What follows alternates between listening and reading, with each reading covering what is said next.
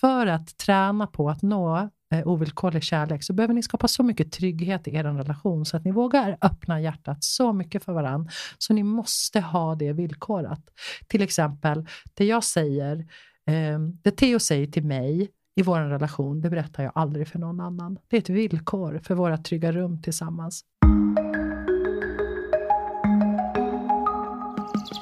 Going Deeper är ett space där vi öppnar upp dörren till vår relation och tillsammans med våra gäster delar vi med oss av de mönster som vi själva har behövt bryta, de rädslor vi behövt möta och de nycklar som guidar oss till att skapa djupare och mer meningsfulla relationer.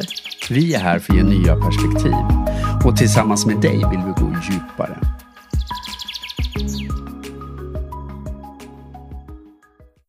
Veckans avsnitt så möter vi relationscoachen Beatrice Karinsdotter som tillsammans med sin man driver Training for Love där de, precis som det låter, tränar människor i att bli bättre på just kärlek. I det här samtalet så får vi äntligen möjligheten att ställa de frågor som vi har till Bea när det kommer till hur vi kan skapa starka, friska och levande kärleksrelationer genom att använda relationen som en arena för just utveckling. Och som du kanske också kan gissa så är ju det här ett ämne som ligger oss väldigt varmt om hjärtat. Så i dagens samtal så dyker vi helt enkelt in i frågor som hur vi kan få syn på och bryta gamla beteenden, strategier och mönster som håller oss tillbaka från att uppleva den kärlek som vi längtar efter. Och vad det innebär att bråka hälsosamt och hur vi kan bli bättre på att ha mer konstruktiva konflikter. Vi pratar också om hur vi kan skapa ett utrymme i vår kärleksrelation där vi känner oss fria och välkomna att vara i ett ständigt växande. Både som individer och också som par. Och som alltid så är vi väldigt nyfikna på att höra från dig. Vad växer i dig när du lyssnar? Dela gärna med dig av din upplevelse på din story och tagga oss och på det sättet så kan vi fortsätta det här samtalet även utanför poddappen. Och är det så att du också skulle vilja hjälpa oss att sprida de här samtalen och stötta vårt arbete så skulle det betyda jättemycket om du ville dela några rader i form av en recension i appen där du lyssnar. På det sättet så hjälper du också oss att nå ut till fler människor som kan vara intresserade av den här typen av samtal. Och innan vi bjuder in Bea till samtalet så vill vi också verkligen passa på att tacka det fantastiska coworking spacet Living Room där vi får äran att spela in det här samtalet. Och som lyssnare så får du också 10% rabatt när du blir medlem hos Living Room när du använder koden perspektiv 10. Och informationen i hur du bokar det här hittar du i beskrivningen till det här avsnittet. Sen är också ett väldigt fint meddelande att dela med dig som lyssnar från fantastiska Anneli Hellström som driver Joy for Life och har gästat podden i avsnitt 83. Och Anneli erbjuder kraftfulla healingbehandlingar som kan bestå både av kroppsterapi, samtal och dearmorering för att just frigöra det förflutnas grepp om kroppen. Och som lyssnare så får du nu 20% rabatt när du bokar din behandling. Och hälsa från mig och podden. Nu så har det blivit dags att välkomna Bea till det här samtalet. Hej och välkommen Bea Karinsdotter till Going Deeper. Eh, tack, vad fint att vara här. Så Kul fint. att ha dig här. Ja, Tänk att vi äntligen sitter här. Det har varit en, en resa bara liksom att make it happen. Eh, och nu är vi här, det känns så fint. ja. Ah, ja men verkligen. Det har varit men fint. Vi har ju pratat några gånger innan. Exakt. Eh, så. Ah, Ja, ja men det, det känns fint Mm. att vara här mer. Och vi träffades ju förra veckan. Ja, Precis. på en Ja, bokrelease. Live på en Exakt. bokrelease. Och det känns också fint att vi liksom fick känna, känna in varandra innan den här podden också. Exakt. Mm. Ja. Och då kan jag säga att jag har haft lite extra pirros här. Det ska bli extra roligt när jag fick träffa dig live innan och inte bara digitalt. Precis, vi börjar Så- på fest Exakt. och sen poddar vi. Och sen poddar vi. Ja. Helt rätt sätt. Ja, exakt. Rätt ände att starta i liksom. Superfint. Idag ska vi ju dyka in i ehm, eller jag tänker att vi, det finns någonting fint i att dela. Att vi, vi sitter ju här idag och det finns ju också en tanke om att vi ska skapa några olika samtal ihop, vi tre. Eh, och det övergripande temat är ju just relationer utifrån att du jobbar med att hjälpa människor i sina relationer. Mm. Um, och just idag, för det här samtalet, så tänker jag att en intention är att dyka in i perspektiv när det kommer till hur vi kan växa i relationer. Mm. Alltså hur vi kan använda våra kärleksrelationer som en arena liksom, för att få växa. Um, och vad, vad vi landar i det är jag jättenyfiken på. Och det tänker jag är liksom, ja, men den övergripande eh, intentionen för vårt samtal. Um, och innan vi dyker in i det skulle jag vilja höra med dig Bea, hur du mår idag. Hur mår ditt hjärta? Jo, alltså jag bor i Ockelbo, två och en halv timme norr om, om eh, Stockholm. Eh, på landet. Jag har kossor och hästar som grannar och hur många parkeringsplatser som helst. Så det var lite chock för mig att ta bilen till Stockholm. Och jag har tagit bilen för att jag ska hålla en retreat och annars så brukar jag ju åka tåg hit. Men så att jag, jag fick en smärre chock faktiskt att komma hit från det här lugnet som jag är så himla van med. Ehm, men sen hade jag lunch med en kompis precis innan den här podden och fick skratta och du vet så här få ur mig massa energi. Och sen tycker jag bara att det är så himla fint att träffa er igen. Det känns så genuint eh, fint i hjärtat. Och jag ser så mycket fram emot de här samtalen som vi ska ha tillsammans. Mm. Mm. Fint. Jag med. Och jag blir också nyfiken med tanke på att vi sitter här. Vad går din uppmärksamhet om du tänker lite generellt utan att liksom ha fokus här och nu? Vad skulle du säga att din uppmärksamhet och fokus går i ditt liv annars? Vad går, Mm. vad går liksom energin mest åt? Mm, alltså jag håller ju på att skriva en bok. Jag har Mm. fått ett bokkontrakt. Ehm, så jag håller på att skriva en bok. Jag har manusstopp i mars. Så jag åker till Frankrike nu i två månader för att skriva. Så jag har mycket fokus där. Och jag har också mycket fokus på mina relationer utanför min kärleksrelation. Att så här, vårda relationen med min son som är vuxen, 28 år, bor i Stockholm och mina vänner och och liksom fortsätta det arbetet som jag och Theo har gjort i vår kärleksrelation. Att liksom verkligen nära relationerna utanför mig själv. Och i mig själv. Att hämta hem, ta en paus. Liksom så. så jag har väldigt mycket relationsfokus och resefokus. Mm. Spännande och jag Mm. blir lite, har du titeln på boken klar? Eller åtminstone Ja. vad den ska handla Ja, det om? finns Om vi en, bara tar ja, jo, det är, själv, det, är självbiografi, det är faktiskt en självbiografi. Mm. Den kommer att ge ut på Norstedts. Mm. Och ehm, den heter Vilsna själars paradis. Mm. Heter Wow. boken. Alltså som ett arbetsnamn. Det kanske Shit, inte är... vilken titel. Det, jag tänkte säga, du behöver inte ändra den. Nej, men den är, bra. det är som arbetsnamn och det handlar jättemycket om en period i mitt liv där jag eh, totalt gick bort mig i mitt medberoende och min otrygga anknytning och nästan kostade mig mitt liv. Och från den platsen så började ju min liksom, djupa helande resa. Så, så det handlar om om den första perioden i det här och sen efter det så kommer det komma faktaböcker hur jag har gjort min resa för att hitta hem och hela mig själv och i kärleksrelationer och så vidare. Mm. Mm, så jag på, påbörjar en bokperiod i mitt liv nu, jättekul. Är, det, är det någonting som har funnits liksom eh, som en... För visst, det är första boken va? Eller ja, precis. Jag, Ja. Det är första boken jag skriver själv. Jag har skrivit en bok om kommunikation eh, tidigare i, som jag, tillsammans med mina kollegor som jag hade en Mm. eventbyrå med. För jag tänkte om det är liksom just det här skrivandet, om det är någonting som har legat som en, en dröm, en tanke i dig länge eller har det liksom fötts nu i och med det här bokprojektet? Nej, jag gjorde en mörkermeditation. Eh, jag har gjort det två gånger där du sitter i totalt mörker i fem dagar och mediterar. Ehm, och då när jag gjorde den här meditationen andra gången, 2015 tror jag att det var, då hade jag gjort den en gång förut. Då ser jag mig själv sitta vid skrivbordet hemma som en liten flicka och skriva sagor och vilja bli författare. Jag kommer liksom i kontakt med den där drömmen igen. Och från den platsen så började jag nära den. Så här, men gud, de ville ju skriva och sen har jag dyslexi. Så i skolan fick jag höra att, ja ja, men skriva det kan du inte be. Så, så då la jag den drömmen på hyllan och sen började jag liksom skriva på i bloggformat och så har jag skaffat, liksom, gått på skrivkurser och börjat liksom så här, väcka liv i den här äh, lilla tjejen som faktiskt ville bli författare när hon var liten. Och så nu blir det så. Så fantastiskt. Wow. Vilken berättelse. Mm. Ja. Och jag märker också att jag blir intresserad, men jag ska inte leda oss dit med det där med mörker meditation i fem dygn. Det kan jag berätta om Det sen. där, kan, det där kan vi ta ett eget avsnitt Jag har gjort om. väldigt mycket hardcore grejer Ja. Peter. Yes, ja, men, och jag gillar det där för jag har hört andra som har gjort det. Eh, och eh, ja, spännande. Mm. Men det tar vi ett annat. Ja. vi ska ju ses några gånger så Ja, det, blir, ska ju ses några det, det finns Ja. utrymme. Ja. Vi kommer Verkligen. tillbaks.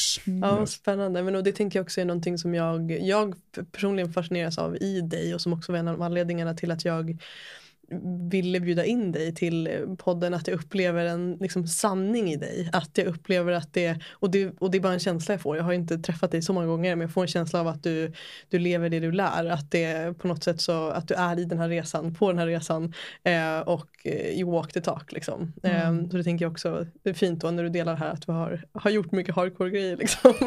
Jag har gjort så mycket ja, saker. ja. Exakt. Jag tror vi får ta ett helt avsnitt om hardcore-grejer. Ja men precis, exakt. Hardcore spiritual practice. Ja. Ja, men så, så är det. Jag skulle inte kunna jag skulle inte kunna göra någonting som jag inte liksom har, ge, har genomgått själv. Och det är ju så vi har Training for Love. Alltså den, den är ju baserad på min och Theos kärleksresa. Och hur vi har liksom helats och hittat och både i medberoende och anknytning och liksom Mm. så. Vi har gjort så otroligt mycket tillsammans. Och det är ju det därför jag vill bli relationscoach och hjälpa andra med det. Och det är ju också därför som jag är dragen till er för att ni gör samma sorts resa. Mm. Så, så jag har alltid sådana, min radar bara, tut, tut, ah där är ett till par. Exakt.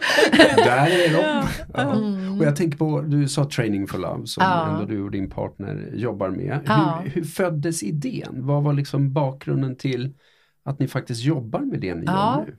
Den är väldigt intressant faktiskt. Jag tror inte att så många egentligen har hört, hört vart det för- föddes på riktigt så. Du, några vet ju det. Eh, Jag och, och Theo var kompisar när vi eh, träffades i två år innan vi blev ett par. Och han var på en, en spirituell resa, jag var på en spiri- spirituell resa. Vi träffades via gemensamma vänner och sen så visade det sig att han praktiserar tantra, jag praktiserar tantra. Eh, och det, det var vi liksom i, sam, i de här tantriska kretsarna här i Sverige under många år. Och sen när vi blev ett par och jag tror att jag hade liksom redan noterat det innan eh, jag och Theo blev ett par att så här okej, tantra är helt fantastiskt. Jag håller tantran jättehögt och den har förändrat mitt liv på så många nivåer. Men det fanns ingen som vi träffade som kunde ha en hälsosam kärleksrelation. Alla var superbra på att ligga. Men, men sen då? Ja. Mm. Liksom, jag bara säger men tantra är ju kärlekens väg. Så att, så att då måste jag, vi, då är det mitt bidrag till, till tantran, det är att lära mig att leva i djup kärlek. Så att en annan människa får växa i min närhet och liksom känna kärleken på djupet. Och då måste, vi göra det. Så när vi hade varit ett par i två år, då började vi hålla kurser. Tantriska kurser i kärleksrelationer. För så här, vi måste börja där. Och sen backade vi helt från den tantriska scenen och bara, nej, vi måste lära folk att, att älska varann först och sen kan vi lära dem att ligga. Det är, liksom, det är liksom, så började egentligen hela Training for Love. Och, och när var det här i tiden? Är det- 2016 började vi hålla de första workshopparna och då var det helgworkshoppar som hette Art of Intimacy. Eh, som var liksom hardcore eh, relationskunskap. Liksom, så. Och sen så kom vi fram till att en tre, det gör du inte på tre dagar, du får ju en injektion och du får mycket medvetenhet. Så då, sen gjorde vi dem på tre månader. Så, så. Och sen nu är de ju på mycket längre tid. Man får göra dem hur länge man vill då, våra utbildningar idag. För vi har sett att vi behöver följa människorna över en längre tid. Jag blir också nyfiken på, jag tänker din egna resa liksom, innan Theo kom in i bilden. Jag har hört dig och även nu i det här samtalet nämna medberoende och eh, anknytning, liksom, din bakgrund när det kommer till anknytning och så vidare. Jag blir nyfiken på din, liksom, vad, har, vad har din relation varit till relationer innan du mötte Theo, innan ni gick in i den resan tillsammans? Liksom? Jag tror inte att jag helt enkelt har reflekterat så mycket över relationer utan det var någon sådär, något som jag hade, jag har varit gift innan Theo, eh, vi var inte tillsammans så länge, i åtta år, men det var liksom en relation vill jag ha, men, men sen när jag är i den så funkar det inte riktigt. Det är inte riktigt som jag, så här, ja men vänta, är det, är det bara det här liksom? Och sen så har jag varit, haft mitt medberoende så att jag har liksom också givit upp mig själv, inte uttryckt behov, inte vågat vara i sårbarhet. Inte liksom, så att det har varit mer liksom, jag vet inte, någon sån där deal att så här, vi är med varandra nu du och jag. Alltså, lite, det har inte varit ytliga relationer men vi har inte lyckats liksom.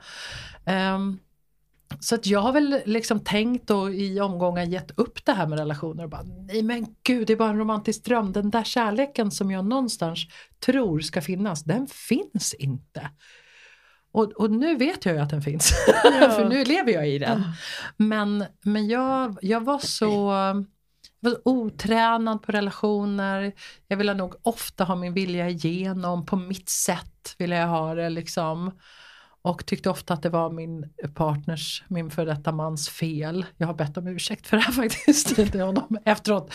Men eh, ja, så där var min relation till kärleksrelationer och jag sökte och jag använde liksom mig själv um, som en kvinna att söka mycket bekräftelse. Jag kickar bekräftelse och jag visste inte hur man skapar närhet. Jag hade inte de verktygen för, för att min mamma och pappa hade inte de verktygen. Så att de kunde inte ge mig det. Vart började det liksom, din uppmärksamhet skifta när det kommer till de här frågorna? Liksom? Vad var det som fick dig att, att, ja, att liksom skift, eller liksom påbörja resan ändå mot den platsen du befinner dig på idag? Mm. Jag kommer, eh, den är jätte, jättetydlig, det finns en brytpunkt i mitt liv när jag, jag står i, eh, i en rulltrappa och så har jag köpt en, en födelsedagspresent till min lillasyster som är sex år äldre, eller yngre än mig och som jag älskar djupt. Jag hade köpt en födelsedagspresent till henne och hade så mycket ångest eh, för att den inte skulle duga så att jag började göra ljud i rulltrappan så här, för att inte känna min mm. egen ångest. Och då fattar jag, Bea, nu måste du söka hjälp. Du kan mm. inte leva så här.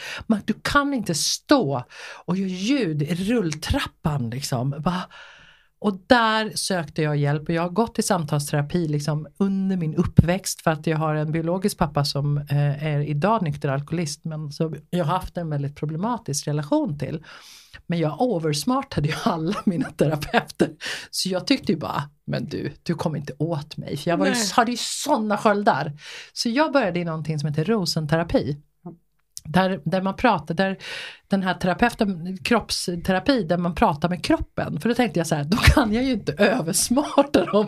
Då är det liksom så. Och hon fick mig att öppna mig. Wow. Och första gången hon liksom, så här, jag tror att hon sa till mig, en av de första gångerna, så sa hon så här, Bea, det här med ensamtid, är det någonting som du någonsin tar dig själv? Vadå ensamtid? Jag, jag drev ett företag, jag var liksom, vi hade villa och det var så, jag var tog projektledaren liksom, totalt i mitt maskulina hela tiden. Vadå egen tid? Vad ska jag göra då? Jag var nästan arg på henne. Liksom.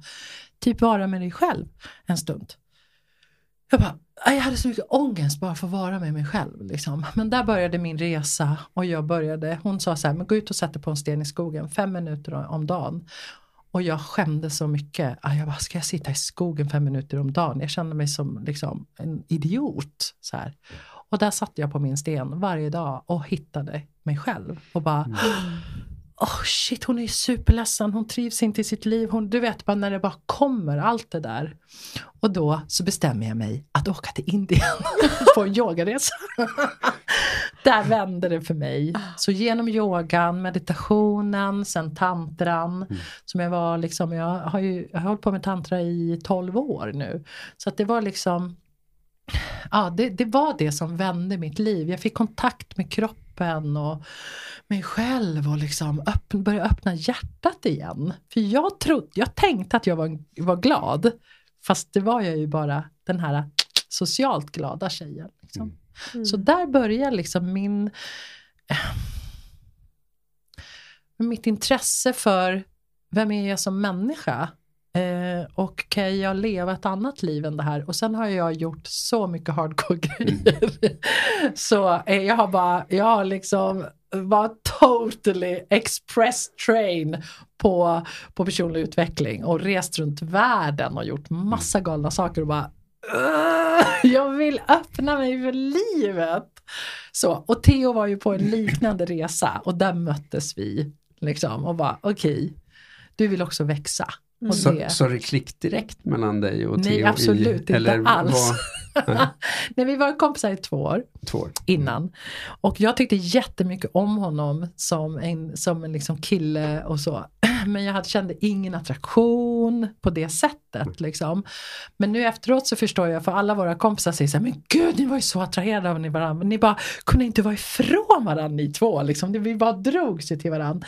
Men nu förstår jag att det var en annan form av attraktion. Jag var attraherad av hans hjärta, hans lust att växa och utvecklas och se sanningen och leva livet större och liksom så, lite det jag också hör när, när ni två berättar eran historia så här, shit det är någon som vill göra det här på riktigt och jag under min tid jag har gått och, och tittat på Theo så hade jag aldrig någonsin träffat en man som var så dedikerad sitt spirituella arbete som han. Jag har aldrig träffat, inte ens mina spirituella lärare.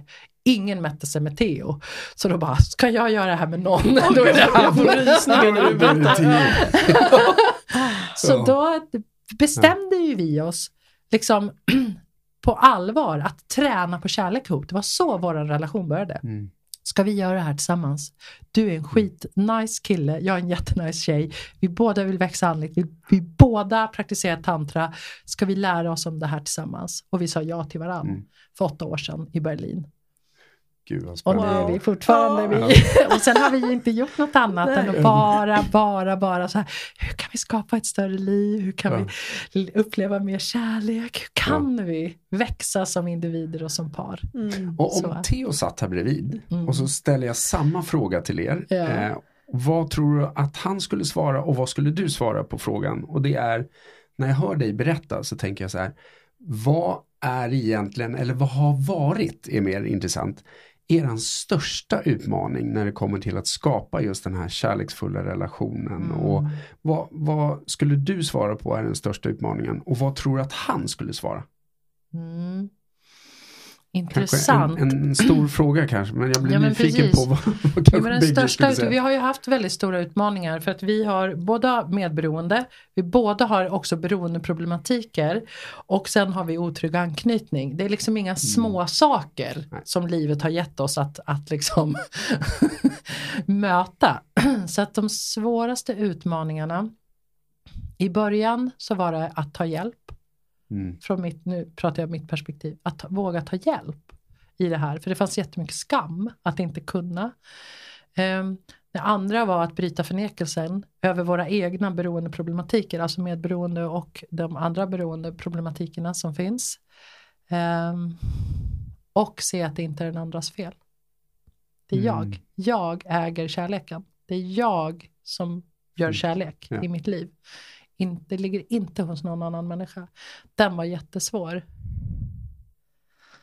Och jag vet faktiskt inte vad Theo skulle svara. Han är så komplex. Han skulle kunna svara vad som helst på den här frågan. Hans hjärna är så intressant så att man vet inte. Men jag tror att han skulle ha svarat beroende, alltså komma ut ur en förnekelse på en beroendeproblematik är tuff. Att våga se sig själv i ljuset, plocka fram dig, mig själv i ljuset och också vad vi, gör mot, vad vi gör och har gjort mot varandra. Så, Mm. att läka det också de här första åren innan vi fattade vad vi Mm. anknytning var och så vidare. Mm. Just det. Mm. Ja, fint. Jag tänker på någonting som du delade där när, i ert möte, när ni möttes. Um, och du nämnde det här att ni liksom såg på varandra och såg de här individerna som att så här, shit, ja, men du vill också växa, jag vill också, ska vi göra den här resan tillsammans? Um, och jag tänker att det finns någonting så intressant i det här att vara två personer som möts och, och att ha viljan att växa, på tal om liksom hela liksom inramningen för det här samtalet, att dyka in i det. Vad innebär det att växa i en relation och att få växa både individuellt men också i relationen? Och där eh, tycker jag mig ibland höra vissa människor som bär på en rädsla för att en relation skulle innebära alltså mindre eh, utveckling eller mindre, alltså att om jag kliver in i en relation kanske jag inte kan växa så som jag vill Mm. till exempel. Att det är liksom ett perspektiv som jag upplever finns på, på relationer eh, som kanske är mycket baserat i rädsla att det ska bli begränsande eller vad det nu än kan vara Mm. för liksom valda sanningar man då bär på om relationer. Men hur, hur liksom klev ni in i det i er relation? Hur, liksom, hur gjorde ni det, liksom, the commitment att kliva in i en relation med den viljan att utvecklas och växa på det sättet som du beskriver? Liksom? Ja. Jättebra. Då vill jag bara också så säga alltså att det, det, det finns ingenstans eh, som du kan växa så mycket som i en kärleksrelation. Det är liksom, det är där du kan växa. Det är där det händer. Det är liksom, jag hörde någon gång i början, det var också innan jag och Theo, av någon guru som jag var på någon kurs med, som sa liksom It's easy to be enlightened sitting in a cave meditating, but try to be it in, in a loving relationship. Liksom. Det är då vi, vi så här brush up och verkligen blir speglade i vad vi har kvar att hela i oss själva. Och, och eh, jag hörde också någon annan som sa så här, det mest hardcore spiritual practice du kan göra det är att vara i en kärleksrelation. Och jag bara, ja då kör vi, då, då gör vi det. Så det som jag och Theo gjorde var också så här, okej, Ja, nu vill vi ta nästa steg på våran spirituella andliga resa. Eh, då, då behöver vi vara i kärleksrelation. För det var liksom vårt, det var så naturligt. Och sen är det ju också så här med universum och livet, den bara flupp, det var, jag och Theo ska göra det här tillsammans. Liksom.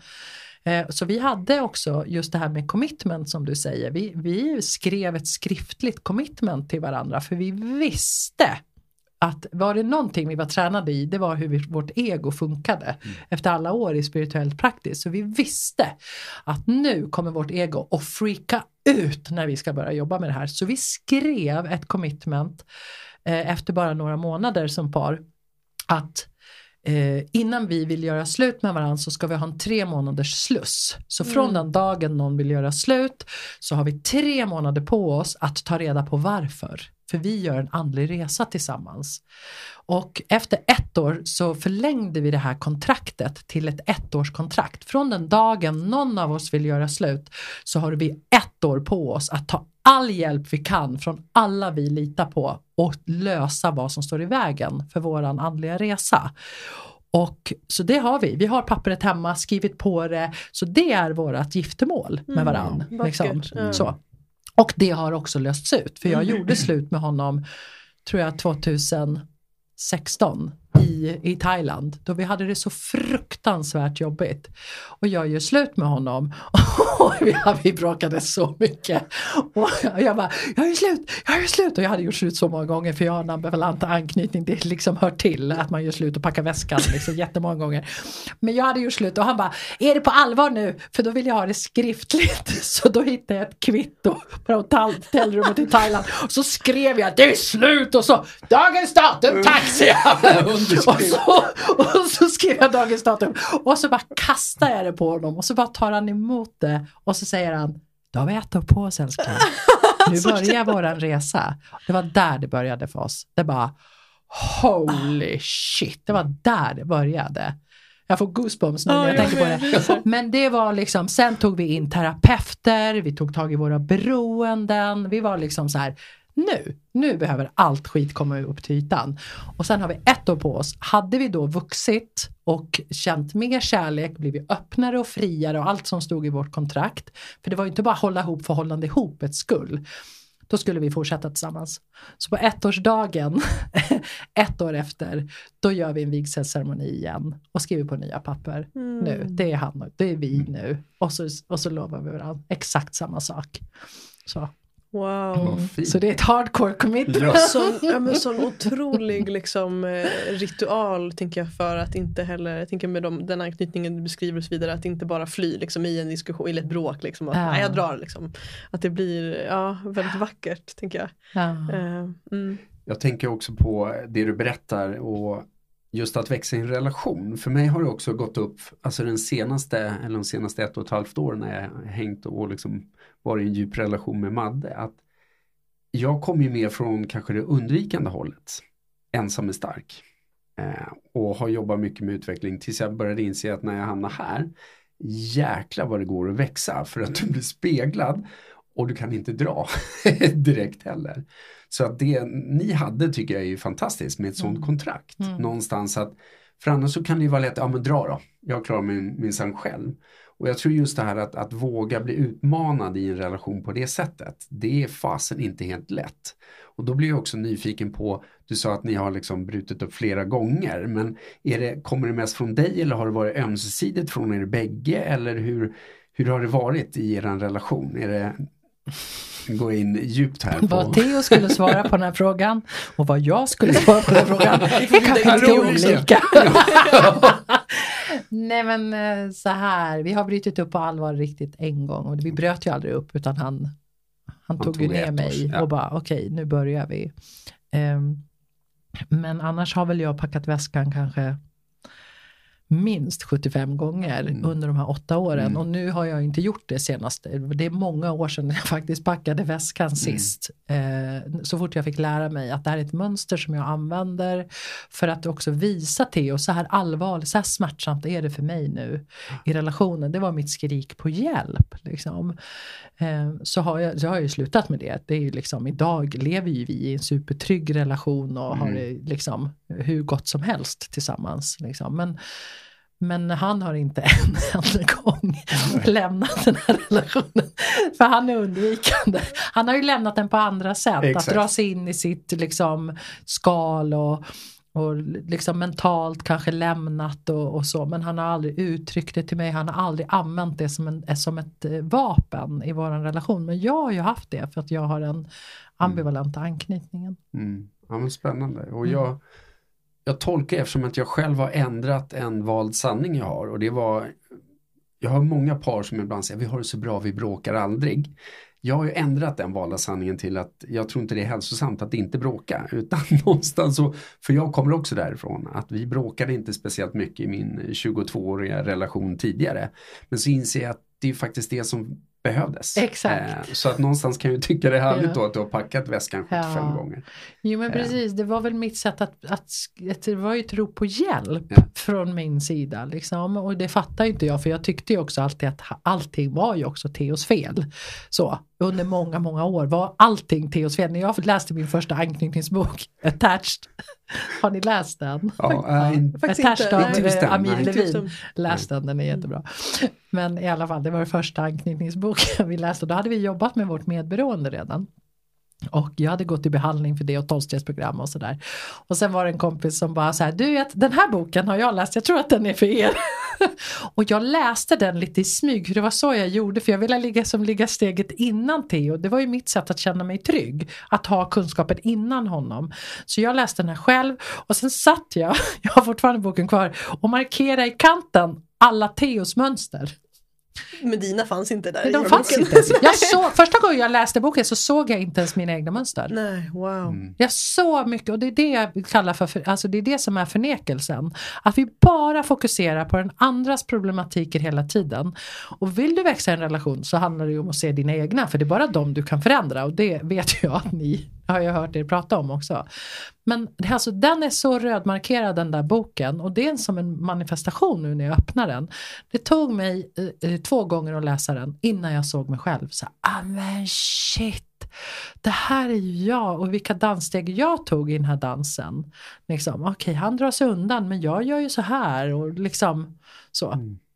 Så att eh, Ja, det var verkligen en ögonöppnare för mig när det var liksom, vad har jag någonting med den här relationen att göra? och det som inte, jag tog på mig allting som var gott och härligt. yeah! Bara, cred till mig, cred till mig och allt som var dåligt, bara cred till Theo, Theo, Theo. Det kan inte ha varit så lätt att vara i en sån relation. Nej. Det är snack om att man drar sig undan. Ja, och projicerar framförallt. Ja, men, men vad fint att han stod kvar tänker jag. Ja, alltså, du han har sånt tålamod. vi är oxar båda två, vi har ett enormt tålamod. Men just det här med att bråka i relationer. Konflikter behövs i relationer. Jag och Theo har fortfarande konflikter men de är idag hälsosamma, eh, respektfulla och tar oss någonstans. Förut hade ju vi konflikter som vi bara loopade i. Hela, det liksom var som att springa ett hamsterhjul. Vi löste dem inte, det var alltid rätt eller fel och maktkamp och du och han, du borde och du, du sa och liksom så. Och nu har vi lärt oss att eh, liksom, vi har lärt oss det här med konflikter och vi välkomnar konflikter idag för det tar oss alltid till nästa nivå. Det är någonting som kanske lågfrekvent har legat där som vi säger, äh, nej, vi har det ju så gött, varför ska vi ta upp det här? Och sen kommer vi till en dag så bara, nej, nu behöver vi liksom titta på det här och då blir det ofta en konflikt och sen poff, så expanderar vi. Alltid Mm. idag. Så det är, konflikter är gott för relationen när de är konstruktiva och hälsosamma. Mm. Det blir jag nyfiken på din, liksom, hur du tänker kring det. Hur, hur vet man att en konflikt är, är det? Hälsosam och konstruktiv? Liksom? Mm, när det inte finns någon maktkamp. När båda vill eh, komma till en lösning. När båda steppar in på arenan och säger så här är det för mig och jag vill se hur det är för dig. Jaha, det är så där för dig. Ja, ja, men du förstår, så att man liksom, man, det är ingen som är så här, jag är bättre än du. Jag är starkare än du. När vi inte håller på att manipulera varann. För att konflikter är ofta fullt av maktspel och manipulation. Och ofta så säger, jag skulle ha sagt för sju år sedan hade sagt nej. Och nu bara, du jag, manipul- jag är bäst på att manipulera om jag vill det. Liksom allt ifrån att bli offer, bli gullig, spela på sex, eh, använda all kunskap som jag har som relationscoach och bara så här är det och så här säger forskning och så här säger teori. Alltså jag skulle kunna manipulera sönder Theo. Men jag står och är naken i sårbarhet och säger nej det här känns inte bra för mig. Ja men det känns inte bra för mig heller. Nej, då är vi två som det inte känns bra för. Då, då, brush up liksom. Mm. Nu står vi i det här. Och så möts vi på arenan. Det är inte någon som springer och gömmer sig i, i sitt undvikande och det är ingen som tar hela arenan med sitt, sin ambivalenta. Liksom, oh, tar, ska prata jättehögt och många ord. Och, oh. liksom, vi, vi, vi är liksom värdiga motståndare mot varandra. Vi vet hur vi ska bråka. Att bara prata om ett ämne i taget. Att eh, inte prata om att du är fel utan vad jag behöver. Jag behöver det här jag kan inte ge det till dig. Nej men jag behöver det här. Vi behöver hitta ett sätt att kunna och sen hur vi gör det, det, det kommer vi att komma fram till. Liksom. Men att också att inte hålla på och prata om saker för länge. Att gränsdra det gör jag till. Så, ja, då har vi pratat i 20 minuter, nu tar vi en paus. Jaha, då tar vi en paus och så går vi och dricker kaffe. Eller, Kafferast. så här, då är det kafferast. För det är inte allvarligare än så idag. Nej. Eller så säger vi så nej vi snackar om det där nästa vecka istället. Bra, och så, upp, så går vi in på arenan då igen. Mm. Liksom. Kanske också med andra tillstånd som gör det lättare att prata om tänker jag. För att det tror jag har varit våran stora lärdom också. Att veta när vi glider in i gamla försvarsmönster eller anknytningsmönster och inte ser det på en gång.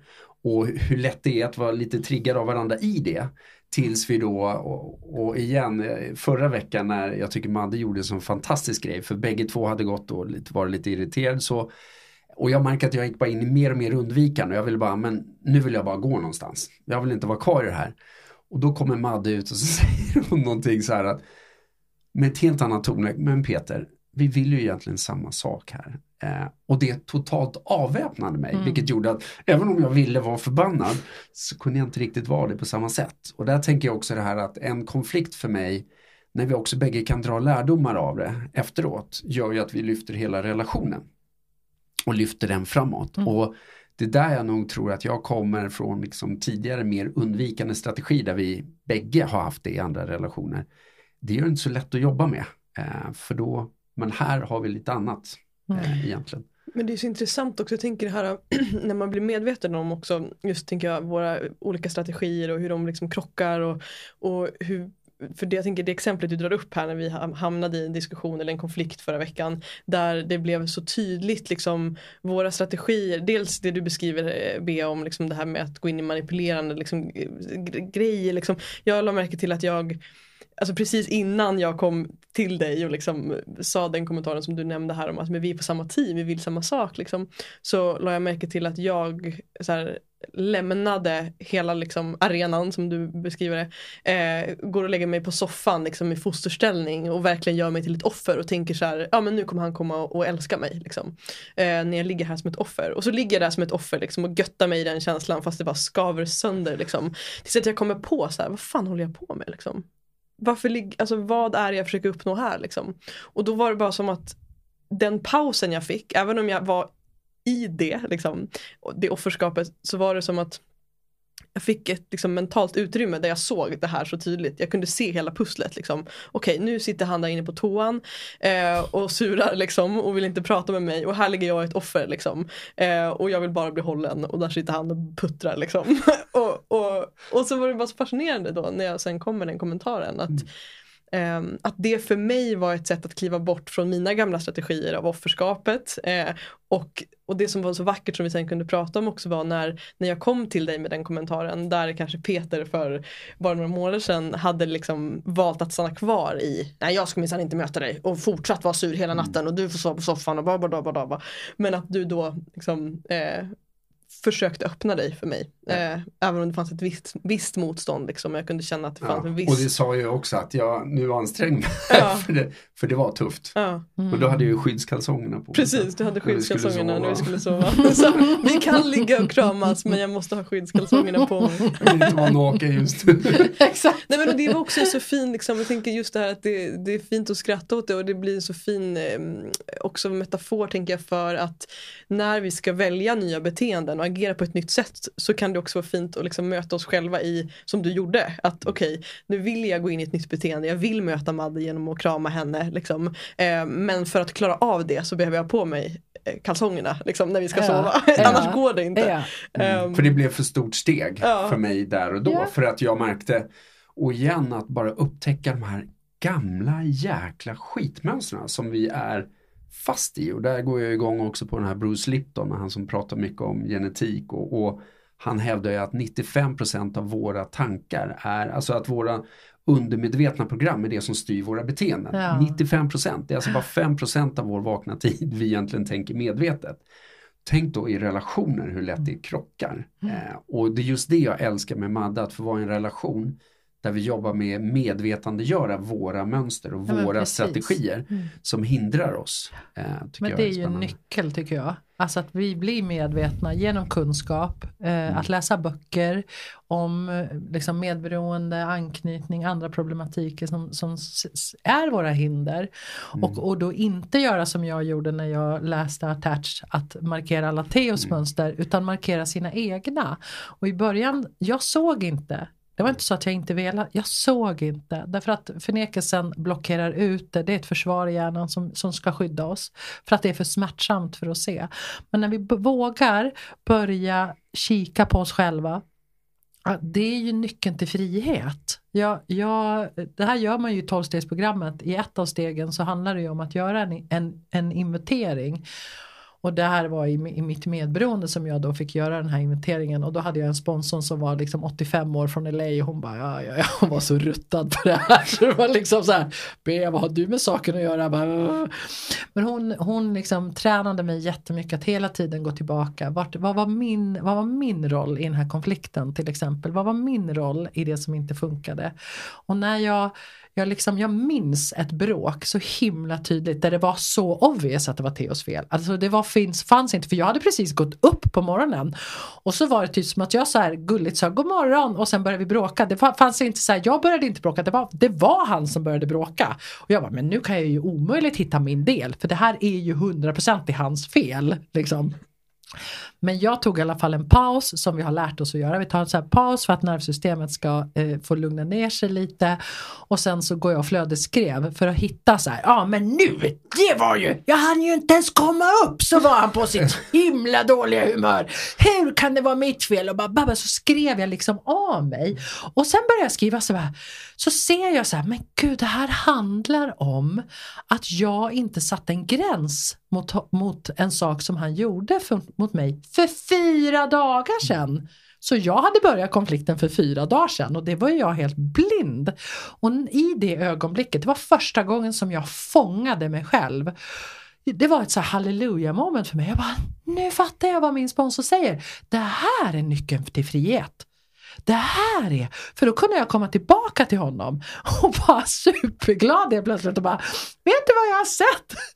Jag satte inte en gräns för fyra dagar sedan och det har legat och pyrt i våran relation och idag är du påverkad av det och då skyller jag allting på dig.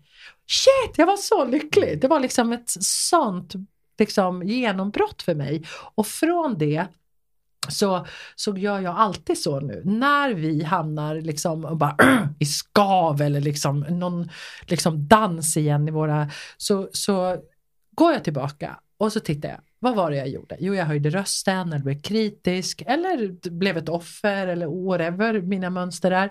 Och så går jag tillbaka och säger det så här. Du, jag ser att jag gjorde det här och det här och det här och det här. Ja, tack. För jag ser att jag gjorde det här och det här och det här, säger Theo ofta då. Och säger han ingenting så spelar det ingen roll. För att det handlar om min frihet. Mm. Liksom, mitt växande. Mm. Så, men nu har vi en trygg relation där vi kan komma till varandra och bara Oj nu blev jag sådär, nu vill jag vinna över dig igen. liksom. mm. Nu vill inte jag släppa in dig och nu tyckte jag att du var dum igen. Liksom. Fast det var så att jag bara inte hade sovit ordentligt. Mm. mm. Vackert tänker jag och, och, för mig när jag hör det här så blir det också väldigt mycket också att det låter som att ni bägge två är väldigt duktiga på att ta eget ansvar i relationen. Det vill säga att inte projicera utan snarare jag tar ansvar för vad jag kan ha gjort eller vad, vad mina beteenden har varit. Eh, och också ett ansvar för att titta tillbaka på dem. Och det kan jag verkligen gilla. Eh, och då blir jag också nyfiken igen då och för att jag ställer kanske lite svårt men den största lärdomen, ni verkar ju dra enormt mycket lärdomar, men vad skulle du säga är den största lärdomen du har dragit i relationen med Theo? Vad är den största, liksom den som du skulle säga så här, eh, kanske den viktigaste lärdomen, inte största, men den viktigaste för dig för att kunna verkligen jobba med det ni gör? Att det handlar om mig. Mm. Det handlar om mig, det handlar inte om honom, det handlar om mig. Mm. Jag hade en sån, sån liksom moment bara häromdagen när jag började känna så här, när, när tankar kryper på i någon sån här onöjdhet. Och de börjar, de kan liksom komma lite krypande att så här, jaha nu har han inte bäddat sängen, tänker han att jag ska bädda sängen eller hur, undrar hur han tänker här. Förstår du? De så här kryper sig på lite så här så att mm. och sen så helt plötsligt så känner jag mig lite irriterad på Theo. Av No, jag kanske inte ens har sett honom, för att han går alltid upp tidigare. Men på något sätt är jag irriterad på honom. Och förr hade jag trott på de tankarna. Så här, det är Theos fel. För såklart att man ska, alltså, nu hittar jag ju på liksom så, men vad det än handlar om. Och har han inte, det var nog väldigt, och han handlade säkert inte igår heller. Och så, kan, och så börjar jag hitta bevis på att han minns han inte tycker att vår relation är viktig. Det är min anknytningsproblematik. Att hela tiden tro att jag inte är älskvärd och att han inte alls älskar mig och tycker det här är viktigt för han har inte köpt smör. Och då bara så här, stopp Bea, vänta, vänta. Då hör jag de här som så här Gollum som sakta kryper upp för nacken och så in i huvudet och bara och så får de vara där ungefär i fem minuter nu och sen bara vänta Bea, vad är det för behov vad är det för behov jag inte har tagit hand om nu? Vad är det för behov? Shit, jag har haft för mycket. Du vet, jag var på fest i fredags, jag var på fest i lördags, jag var på bokrelease i onsdags. Men gud, jag har, jag har haft för lite återhämtningstid. Jaha, jag behöver inte alls gå in och bråka med Theo. Jag behöver åka ut i skogen och ta hand om mig själv. Mm. Så. Mm. Det Alltså den är den största lärdomen. Det är där nyckeln till kärleken och friheten finns hos mig. För mig personligen i alla fall. Jag vet inte om det är för, liksom, universellt för alla. Men det är här det börjar och jag är ansvarig för att jag ska må bra. Och när jag mår bra och fyller på mig själv med kärlek, det är då jag kan ge kärlek till relationen. För är jag tom, är min tank tom, då kommer jag med att jag vill ha någonting. Jag ska ha något av dig. Liksom, jag har en brist som du ska fylla i mig. Och så försöker jag på alla sätt, för jag säger ju inte det, hej jag är tom, jag vill att du ska fylla mig. Utan jag försöker kritisera mig till att bli fylld. Eller manipulera, eller sexa mig till, eller offra mig till, eller gulla mig till att bli fylld. Och så håller jag, har jag hållit på så, hela mitt liv har jag på så i, i relationer. För att jag har varit så otroligt rädd för intimitet och sårbarhet. Och det har jag ju inte fattat. Det har jag ju lärt mig nu. Med allt liksom jag har lärt mig. Men att jag har så försökt och fått, men jag ska minsann inte säga vad jag vill ha. För det visste jag nog inte ens själv. Nej. Liksom. Nej, Mm. han ska förstå! Det är nog det. Man ska förstå, ja! Man ska bli telepatisk när man har en kärleksrelation. Det, Det ingår. liksom, det ingår Ja. liksom i själva commitmentet. ja. Ja, så det är min största, Mm. absolut största lärdom. Det Mm. handlar om mig. Mm. Det här, det börjar, kärleken börjar här, i mig. Det är jag som skapar den, i mitt Mm. Så fint och jag tänker det som kommer till mig när jag hör dig prata om det också det här med behoven. Du pratar om liksom smörpaketet och de här exemplen du drar. Och det blir någon så fin liksom, eh, ja, men metafor också för hur viktigt det är att lyfta, liksom, lyfta fokus en nivå. Alltså om vi tar en våning till. Vad är det egentligen jag längtar efter? Vad är det egentligen jag behöver? Vad är det som finns där? Liksom? Ja. Eh, och att det så ofta kanske är så i det vardagliga att vi bråkar om disken eller vi bråkar om smör, alltså whatever. Men att det väldigt sällan handlar om det. Nej, det finns ett djupare Mm. behov där under Mm. som vi kanske inte vi kanske inte ens vet det behovet. Nej. För vi har aldrig tittat så djupt i oss själva. Och om vi vet det så kanske vi inte vågar säga det. För vi är rädd för vad det ska bli. Men då är vi i konflikt över ett smörpaket eller skor i hallen eller någonting annat. Helt orelevant. Och när vi då kommer till våran partner och bara Du ställer aldrig undan smöret. Och då bara "Huh, hur kan det här bli så stort? Hur, hur, det, det finns ju ingen rim och reson. Och då bara, jag fattar ingenting. Och det tror jag att de som lyssnar också, att ni verkligen känner igen. Så här, hur, varför är det här så viktigt för dig? Men det handlar inte om smöret, det kanske handlar om jag har sagt det här flera gånger och det är jätteviktigt för mig för vi har jättedåligt med pengar och nu är jag jätterädd för så här, att, att du inte är med på det här tåget. Att vi ska, att du förstår, det kan ju handla om vad som helst. Mm. Och så bråkar vi om det ytliga. Håller verkligen med. Mm. Jag hörde dig säga flera gånger också det här ordet frihet. Och då blir jag ju nyfiken. Vad, vad betyder frihet för dig i en relation? Mm. Frihet för mig är en eh, Frihet för mig är en inre upplevelse. Att jag kan göra det jag vill i livet. Att jag är, det finns ingenting annat än jag själv som, som hindrar mig. Ofta är det mina tankar som hindrar mig. Att jag kan inte, jag är för gammal, jag är så, jag är det, jag är liksom så. Eh, frihet är för mig att leva i total samklang med livet, som livet självt. Det vissa kallar för universum, det andra kallar för källan, Mm. vissa kallar det för Gud. Liksom, att vara i total, att vara så fri så att jag får röra mig dit jag ska röra mig. Så. Mm.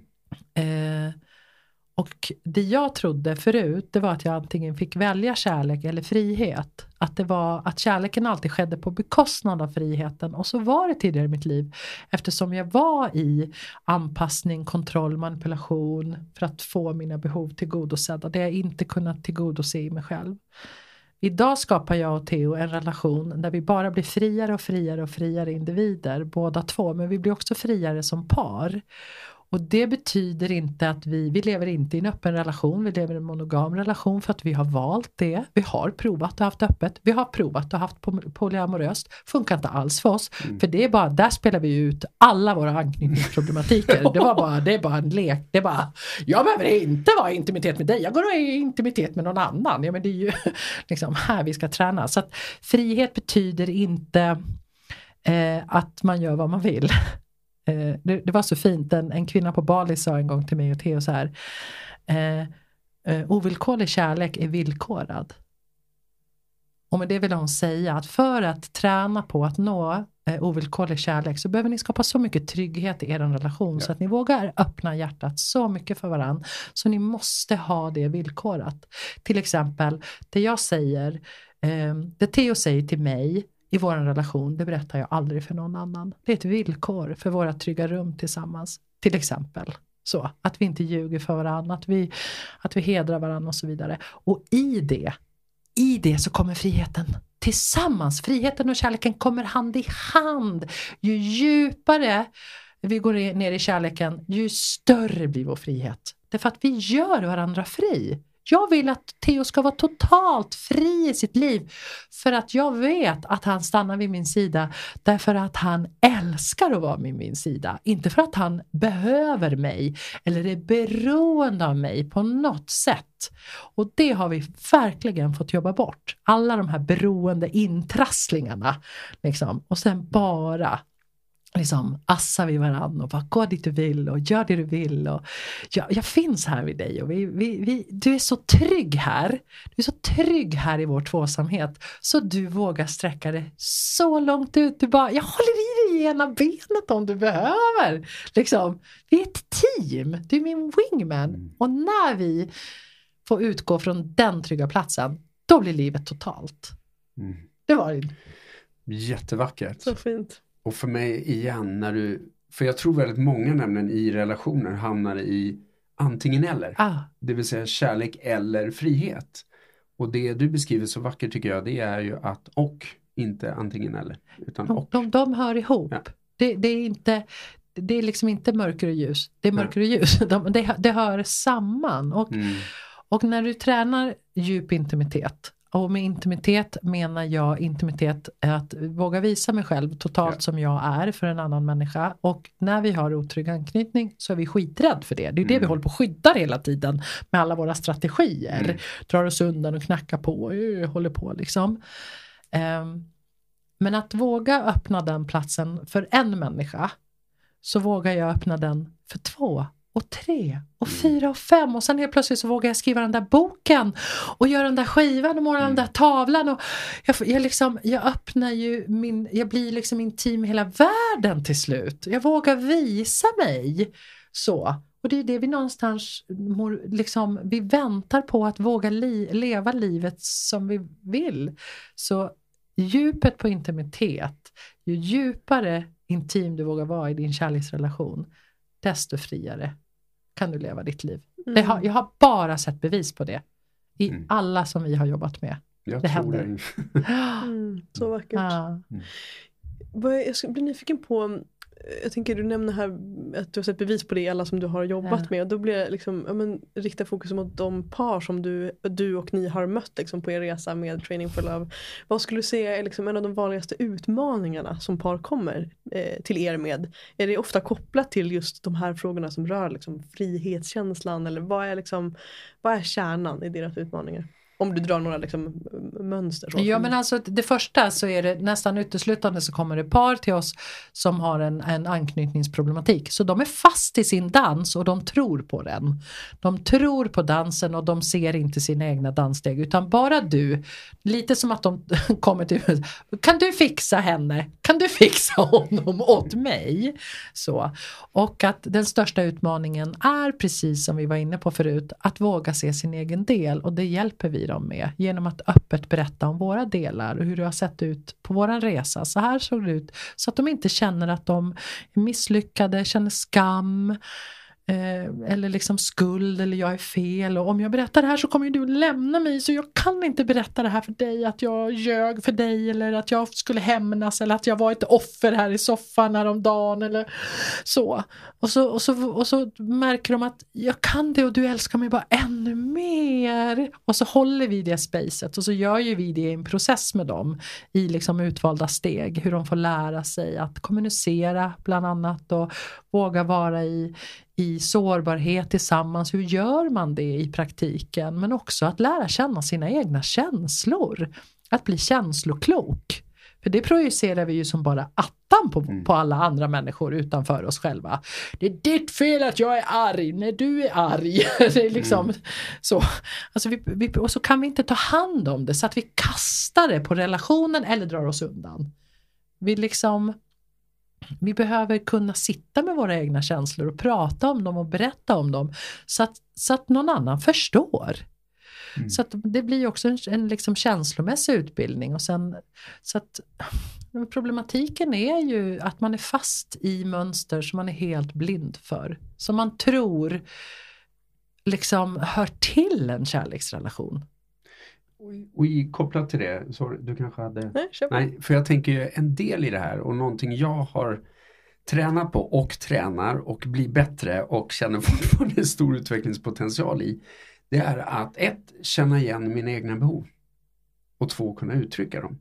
Eh, eftersom att jag också kommer från mer det här eh, ensam är stark och hjälten, att inte kanske visa mig så sårbar och, och så vidare. Att hur är det, tänker jag, i relation till de par som kommer? För att i min tanke nu och vad jag tolkar är att väldigt många har problem med det. Att dels känna igen vad är det egentligen jag behöver i en relation och hur kan jag uttrycka det på ett så smidigt och tydligt sätt som möjligt och att det tas emot. Vad, vad skulle du säga om den? Är det 100% av alla vi tränar med och vi tränar Ja. också singlar så Ja. att det är inte bara par hos oss. Alla har problem med att känna in sina behov, Mm. eh, uttrycka sina behov. Så, och det får de ju träna på. Ett, känna in, fråga, veta så här, du har behov. Mm. För det är också många som kommer säga, nej men jag har inga behov. Eh, jo, du har behov, men du har stängt in dem så långt så Ja. att du ser dem inte, du känner dem inte, du hör dem inte. För du har haft kikan riktad utåt i så många år. Liksom, ofta har vi gjort det här som en överlevnadsstrategi sedan vi var små. För har jag inga behov så är jag inte till besvär och då får jag vara med. Då blir jag inte lämnad. Liksom. Så det här är, liksom, det är samma sak för män och för kvinnor, för, för ambivalenta och för undvikande. Det är samma problematik. Um, så att det är ju att börja stanna upp och fråga sig själv, bara i det lilla. Vad har jag för behov? Oj, jag behöver gå på toaletten. Vad har jag för behov? Gud, jag är lite törstig. Alltså börja på de basala, liksom de här grundbehoven. Så, är jag hungrig? Är jag trött?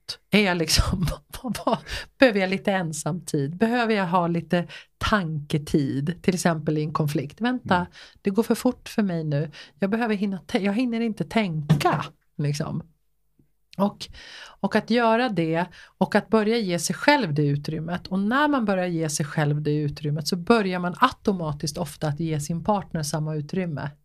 Det sker liksom, när det inre arbetet sker så sker förståelsen för ah, shit är det så här svårt liksom. Så, och när vi tränar med, med singlar så får ju de vissa övningar och när vi tränar med par så får ju de andra övningar där de gör både individuellt, för allt pararbete sker i individuellt i båda personerna och sen i enheten viet i parrelationen. Så får de ju sakta men säkert lära sig, men jag skulle bara behöva att vi är tysta en stund nu. Bra, tack. Du vet så här, okej. Bara Träna i, att Mm. träna i det lilla. Eh, Så jag känner igen mig själv Mm. i det där. Jag kunde inte, jag, också, jag var li, nästan lite stolt över att nej men det spelar ingen roll för mig, vadå? Mm. Alltså, jag hade inga, inga, inga. Och ofta så blir det så att det är som att öppna en dammlucka och sen ser man så här, men shit jag har ju så mycket behov så att då nästan drunknar relationen i alla behov. Mm. Och det är en del av processen. Ja. Att släppa dammluckan, se det som kommer och så lära sig. Och det finns ju olika metoder. Att till exempel sitta en kväll, liksom sitta på kvällen och säga det här behöver jag av dig. Det här Mm. behöver jag av dig just Exakt. nu. Till exempel en Ja, sån övning. jättebra. Och det, det jag tror min lärdom i det här är också att ibland har jag så svårt att komma snabbt med det. Att jag behöver tid. För när Madde någon gång säger, ah, men vad behöver du av mig nu? Vad, vad har du för behov? Jag, jag kan inte ens sortera i det. Utan då är det nästan mitt behov är, får jag vara själv i 15 minuter? Eh, så kan vi ta den diskussionen sen. För att det kommer, för jag är så mycket i det att jag inte ens kan känna igen det. Och den tror jag också att, att börja identifiera. Först har jag ett behov av att sortera i mina behov. Mm, precis. För att kunna komma tillbaka. Ja, och då är ju det första steget. Ja. Att uttrycka det översta behovet. Mm. Jag behöver att vi stänger dörren. För det är för mycket ljud här nu. Så jag kan inte tänka. Bra! Yes! Vad härligt! Och så, och så börja. För då, när jag har då tagit hand om det behovet.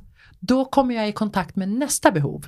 Så, så att man behöver ju dra det här snöret. Liksom. Vi kan inte från början se vad som är i steg fyra, vad som är det djupaste. Men kan vi bara släcka lite, kan vi få ett glas vatten? Alltså ta ett, ett behov i taget och lyssna, lyssna, lyssna.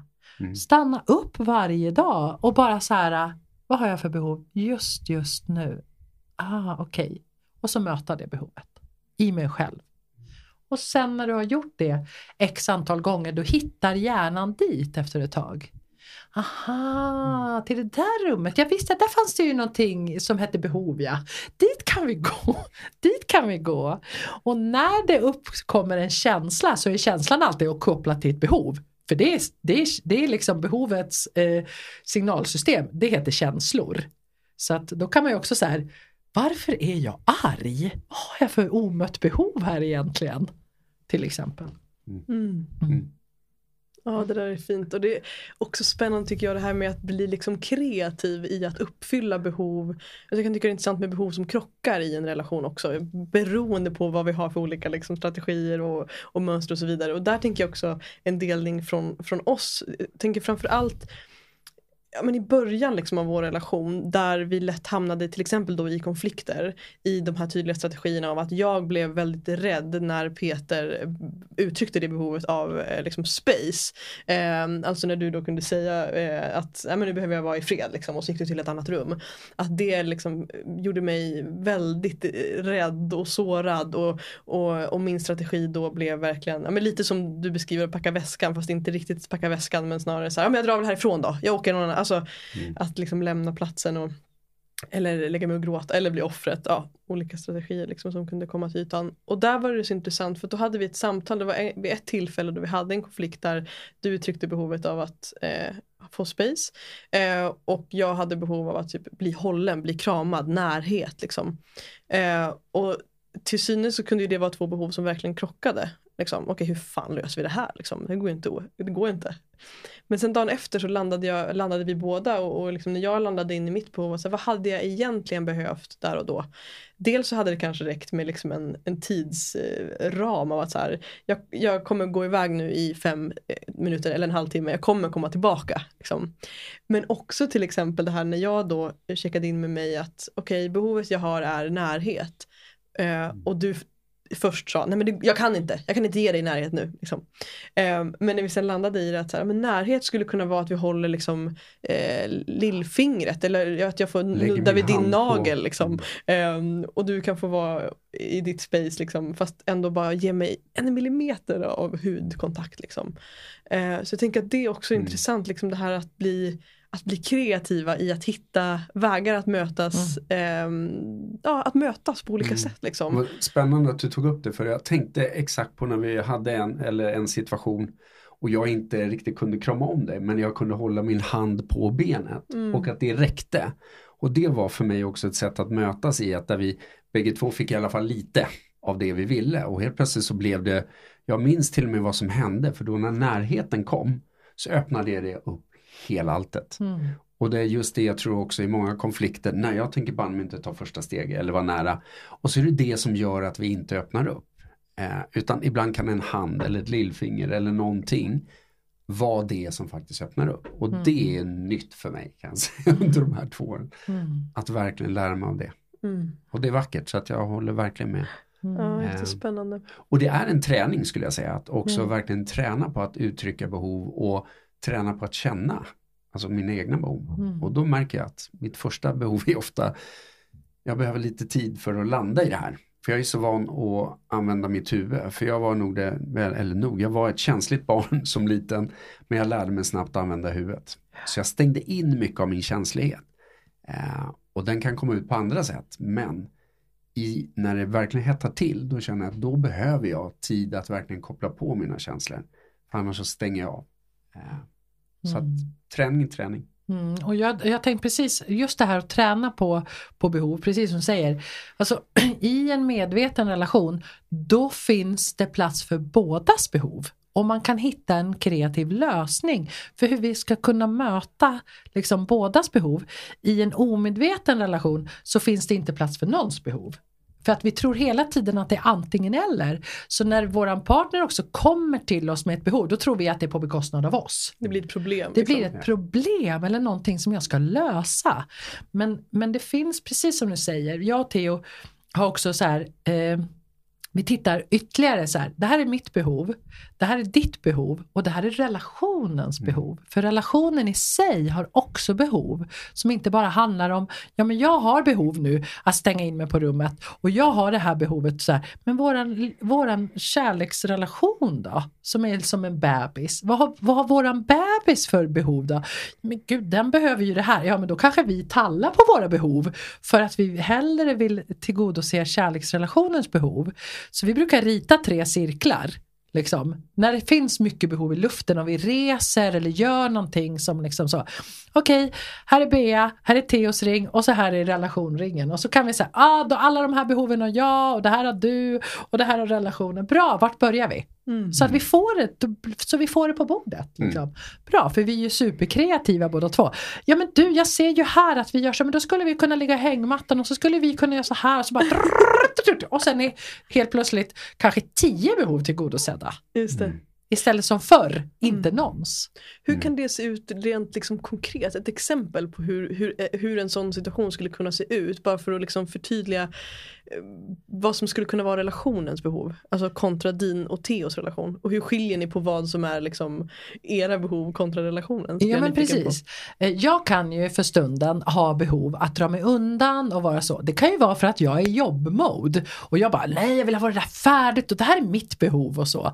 Och Theo har något annat behov eller han ska, vill ut och springa och vara med sina kompisar och så. Och sen kan det vara så att vi har gjort det under en väldigt längre tid så våran bebis ligger och bara Wah! Äh, vi har inte spenderat någon tid med mig. Vi har liksom inte haft det fast vi har egentligen inget behov. Jag har inte det behovet.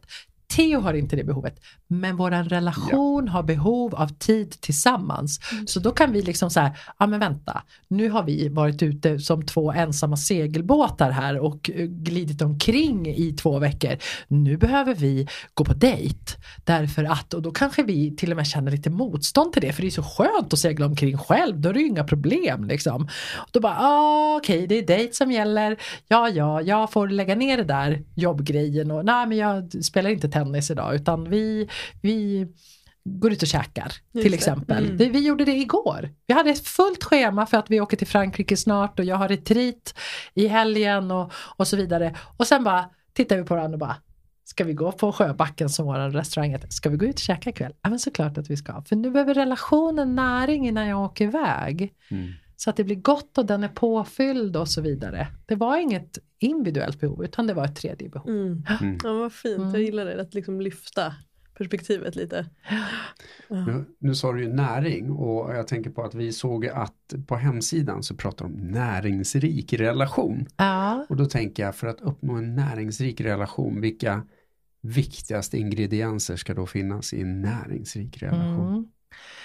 Jag gillar metaforen. Ja, men precis, jag tänker som, att det är som att kultivera en jord som man ska odla i. Man behöver tillsätta massa saker för att, det ska bli, för att man ska ha någonting att skörda. Mm. Så behöver vi ju tillföra energi och, och så.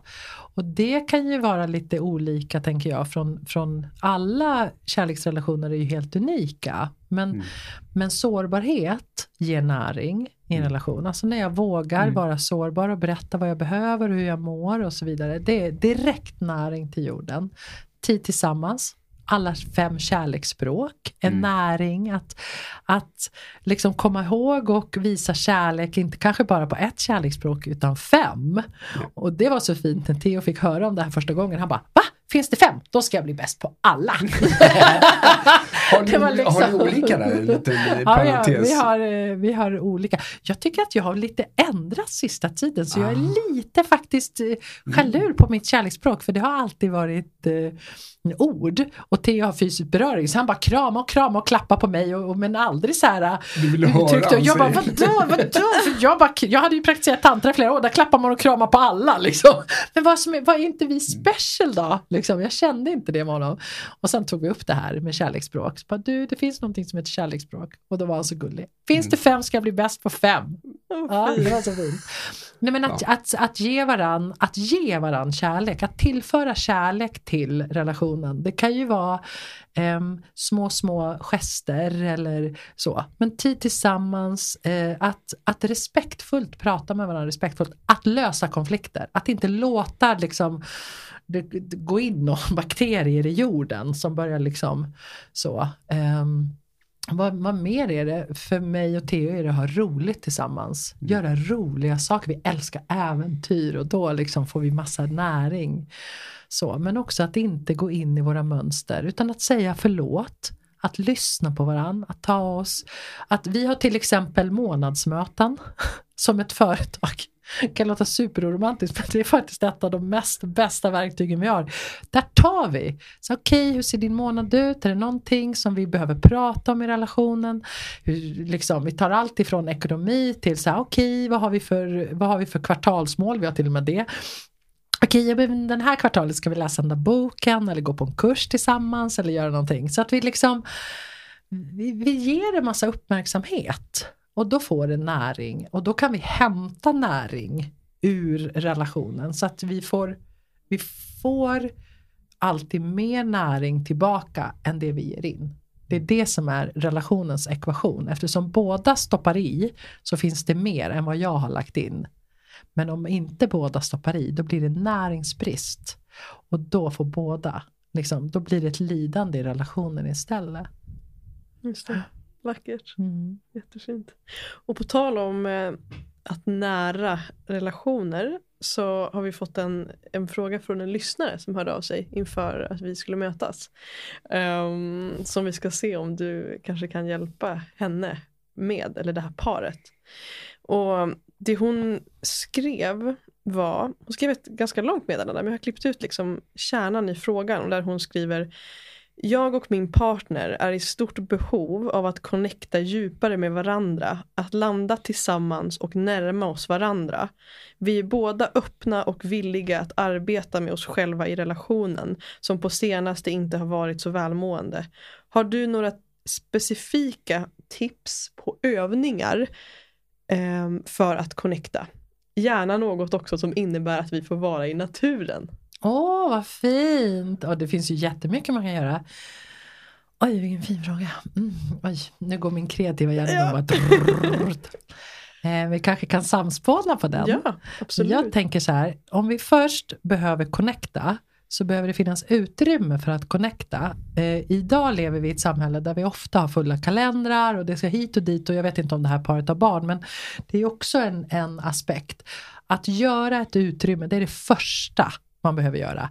Vi har två timmar här. Vad vi ska göra är ganska orelevant men vi ska inte prata disk och inte planera något utan vi ska bara vara ihop. Stänga av tvn, eh, gå ut någonstans så.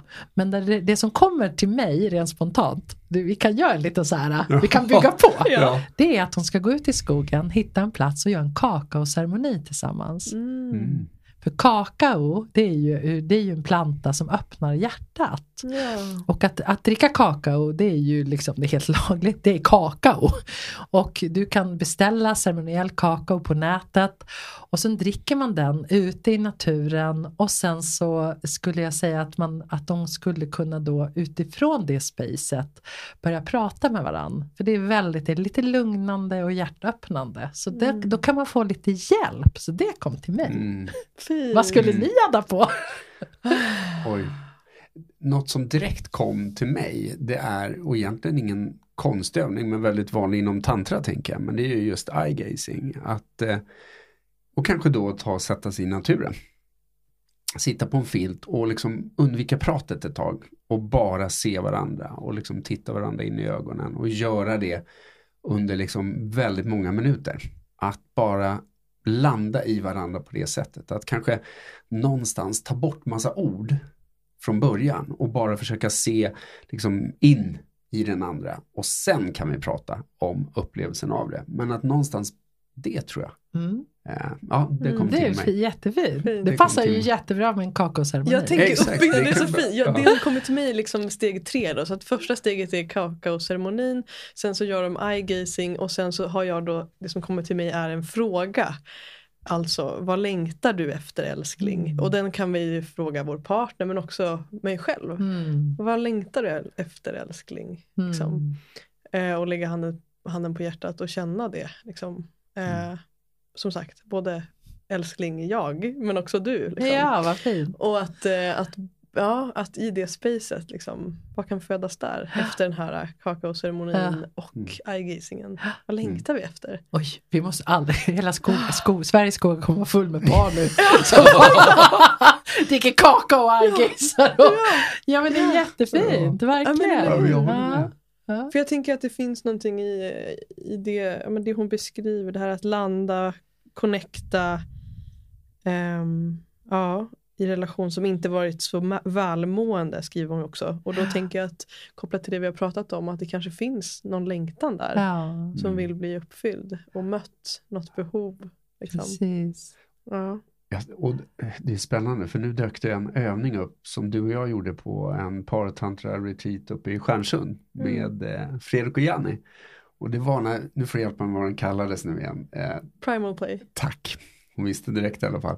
Eh, Primal Play vore ju så jädra spännande också att göra. Ah, Mm. eh, på en filt i skogen och va, ta ut svängarna. Och det, du kan ju utveckla vad det egentligen är. Men jag känner att den gav, alltså det, ja, det hände någonting med Mm. mig. Mm. Eh, det var som, ja, Det som var, precis, jag kommer inte ihåg exakt den ramsättningen Nej, som Fredrik och Janni hade, hade för övningen. Men som du är inne på, det går att liksom lägga ut en, ja, men en filt i skogen, eller inte alls en filt, bara köra på, på mossan. på mossan. Eh, och idén då, alltså primal play, eh, tanken var egentligen att kliva in i det här spacet och vara två djur. Liksom, Ja. Och mötas i det liksom, animaliska energin. Och det kunde ju då, det som var så fascinerande, liksom, vi visste ju, vi hade aldrig gjort den övningen tidigare så vi visste inte, okej vad ska jag vara för djur nu? Vad, liksom, jaha, är jag en orm eller är jag en kissekatt eller är jag en tiger? Liksom, vad, är, vad vill jag, vad, är, vad finns i mig liksom?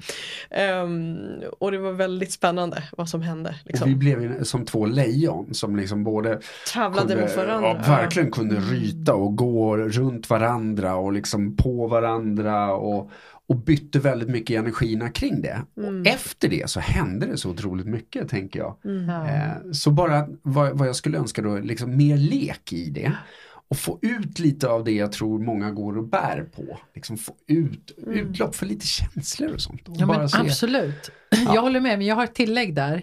För för att vi ska våga leka behöver vi vara trygga. Mm. Precis. Ja. Vi kan inte leka, alltså Mm. på riktigt där leken Mm. kommer som, så att det Mm. blir härligt om vi inte känner oss trygga. Så Exakt. då addar jag på en till Mm. fråga. Vad behöver du för att känna dig trygg med mig Mm. nu? Mm. För när vi Exakt. känner oss trygg, då kommer leken per automatik. Ja. Och det gör det ju i en arbetsgrupp eller i en vänskapsgrupp och i en kärleksrelation.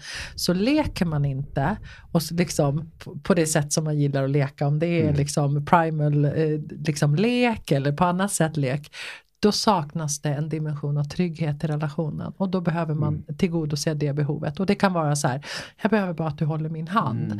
Ah, nu, nu blir jag trygg. Nu, nu kan det börja bubbla i mig. Det behöver inte vara stora svåra grejer oftast. Mm. Ja, Jag gillar den. Mm. Precis, nej det var inte första övningen vi, vi Nej. gjorde när vi var Nej, så då hade vi blivit byggt upp hållen i Ja. ett tryggt space. Ja. Ja. Så, Ja. som, som man hjälper till med Mm. som workshopledare också. Men för att komma dit som par, så, så, så här, vad, Mm. precis som din fråga som var så Mm. fin, men också fråga, vad, vad, är det någonting som vi kan göra nu så att du blir mer trygg här? Ja. Och så fråga varandra det. Ja men jag skulle behöva att vi stänger av telefonerna eller att jag, inte vet, att jag vet att det inte kommer någon. Nej men vi låser Mm. dörren, vi, vad som helst liksom. Mm. Jättevackert. Jag har en fråga till från en eh, lyssnare här. Eh, och om vi hinner med en fråga till. Och det är så här. Eh, jag träffade min kärlek i en poddintervju för ett och ett halvt, eh, två år sedan. Och vi är nu relativt nya i vår relation. Vad har du för tips att ge oss för att vi ska kunna fortsätta utveckla vår kärlek och fortsätta att växa framåt tillsammans? För det första Eh, så är det snart två och ett halvt år sedan paret träffades. Men det här är ju det är en lyssnarfråga. Ja, ja, ja. ja men vad fint. Hej kära lyssnare. Det finns vissa likheter.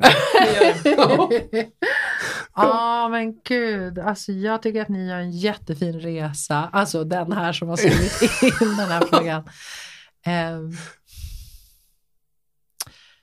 Ja, men om vi var inne på lek så kanske jag skulle vilja liksom skicka med det. Att det här, det kan låta så här om du som lyssnar på den här podden känner så men gud vad jobbigt att behöva utvecklas hela tiden. Så är det inte, man be, det behöver absolut inte vara så allvarligt hela tiden. Liksom att ta in leken, skrattet, liksom, precis som du sa, vad du nu sa, skyddskalsonger eller liksom ja. driva med sig själv. Här. Liksom, jag och Theo driver med varandra så in i Spången liksom så här, och med oss själva och bara Nej nu vill inte du leka med mig. Liksom, vi kan gå in och spela ut våra liksom, mönster och, så här, och skratta åt det, få med skratt sättet, leken och när inte den finns, stanna upp och fråga vad är det som gör, bli, håller vi på att bli lite för serious här nu? För det är en dimension att man kan också ta det här lite för allvarligt. Det blir liksom, oh this is my life mission och ja, du vet så, så ska man rädda världen dessutom och så ska alla andra också kunna det här. Utan bara så här, men nu har vi lite, lite skön lek med allting. Det skulle jag verkligen vilja skicka med för det har varit en av jag och Theo tappade bort det någonstans efter några år. Att det blev så himla mycket liksom, växande och det och vi skulle läsa böcker. Och, att man får också ta paus i processen och bara mm. åka till Bali eller åka vattenskidor. Mm. nej, nu, nu, har vi, nu är det ingen process här ett tag. Nu bara njuter vi av varandra. Så. så fint. Ja. Och det är så fint att du säger just det för det är någonting som vi, när vi möttes förra veckan, när vi sen vandrade hem hand i hand längs Kungsgatan, jag och Peter, så pratade vi just om det i relation till dig. Att så här, wow vad fint det var att få möta dig och känna den liksom, lekfullheten som jag, nu pratar jag för oss båda här men jag tror att yes. jag har dig med mig. Du har mig. Ähm, att, att uppleva den lekfullheten som liksom genomsyrar, som jag tolkar den du är. Och att jag, precis som du säger 有的时候要。Jag, tycker mig se liksom, ett mönster i många som jobbar med utveckling att som du säger bli dead serious. Liksom. Och absolut en del av mig själv också som kan bli jävligt seriöst. Liksom. Mm. Um, så det vill jag också spegla tillbaka till dig att det är så fint att du säger just det. För det är någonting mm. jag verkligen ser i dig att den här mm. lekfullheten liksom är där. Eller när du kom in i poddstudion, går ner för trappen och dansar som att du ska liksom ut på Globens scen. Alltså, det, jag älskar det. Liksom. Det är helt underbart. Lekfull, ja. Istället för att kliva in här liksom, men nu är jag relationsexpert och jag ska visa mig alltså, så här, ja, men Du dansar ner för trappan lite. Bara. Fantastiskt. Ja. Så och tack det, för det. Och på tal om det, när vi gick och pratade, för att bara länka, eh, så hamnade vi lite mer allvarliga tillstånd efter vi hade pratat om. Jag kommer inte på varför vi hamnade det, men det, då tog det bara några minuter. Sen var det en som kom fram, en vi mötte på gatan på Kungsgatan som stoppade oss och sa Jag måste bara få säga, vilken fantastisk podd. Alltså, kommer du ihåg det? Att hon mm. verkligen stannade. För då har hon lyssnat på podden och bara sa att den skapade så mycket mening för henne och den har hjälpt henne. Du vet, då blev vi mer lekfulla och liksom skrattade mer på vägen hem. Nej men gud vad sjukt, vi fick verkligen det när vi behövde det. Mm. Så jag tänker också just stoppa in mer skratt, mer lek. Eh, det är så underbart. Mm. Fantastiskt. Så det, ja. Mm. Så vi fick det vi behövde. Verkligen. Bea, om du... Eh, eller nej, vad är det jag egentligen vill fråga här? Ja, vad är någonting som du, eh, om du fick liksom nå eh, hela världens människor eh, och så skulle du få möjlighet att ge alla de människorna eh, ett, på tal om att nu bli seriös, så skulle du få ge alla de här människorna ett, eh, en, ett tips, ett, en råd, eh, ett råd eller ett perspektiv kopplat till relationer. Vad skulle det vara då? Som du känner att världen skulle behöva veta om relationer? Mm. Ja, men då skulle jag vilja, eh, jag skulle vilja att alla får lära sig att vara självsnäll.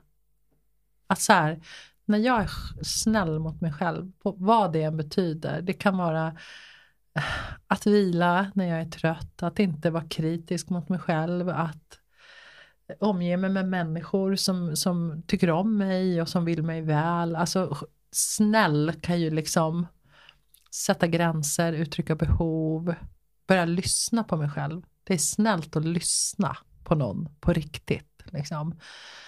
Jag skulle vilja att alla får känna på hur det är att komma hem till den snällheten i sig själv och hur bra man mår då och att det är därifrån som vi skapar en, ett mer kärleksfullt samhälle och en mer kärleksfull värld. Det, det, är liksom, det finns inga genvägar.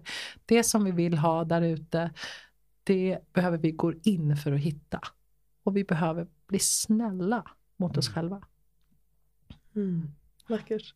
Mm. Den här timmen har varit så berikande, eh, underbar och ja, men, halv, eller en och en halv timme. Jag tänkte säga det, har en och en gått- halv. Alltså jag tänkte säga, händer? vad tänkte, alltså det har gått så inåt helskotta fort. Ah. Men jag känner också hur varmt det är här just nu. Jag vet inte om ni känner men. Ja, det är lite syre, så alla bara kokar i det, det märks på nivån på frågorna. exakt, exakt. Ja, exakt. Ja. Ja, men jag tänkte för att, för att avrunda lite grann eh, och för, för lyssnarna som känner så här, ja, men wow, B vill jag komma i kontakt med, jag vill ta del av det du, det du gör och sysslar med. Vart kan de nå dig? Ja, Det enklaste är att gå in på trainingforlove.com. Där finns det också länkar till Instagram där vi är aktiva och sen så har vi ett community som man kan vara medlem i där vi hjälper människor att leva den här formen av relationer. Så super välkommen in på vår hemsida så finns all information där som Mm. ni behöver. Mm. Mm. Nu kommer vi träffa dig fler gånger Ja! här och ha dig eh, och, och samtidigt så blir, jag vågar säga vi bägge två nyfikna på, är det någon fråga som vi inte har ställt till dig här och nu som du skulle önska att vi faktiskt ställde? Nej. Det- Kort och gott. Kort och gott. Nej, det är ingen som, som Nej. du saknar. Nej, Nej. ingenting faktiskt.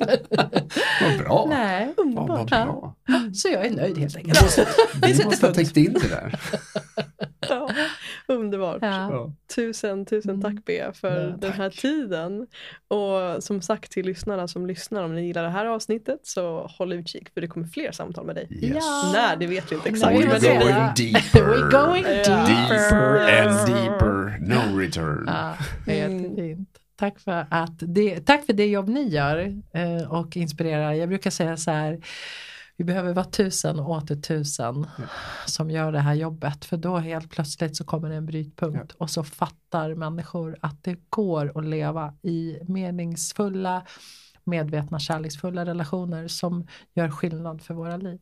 Mm. Så stort tack till er två. Tack, tack, tack. Är du och din partner nyfikna på att dyka ännu djupare i er resa som par?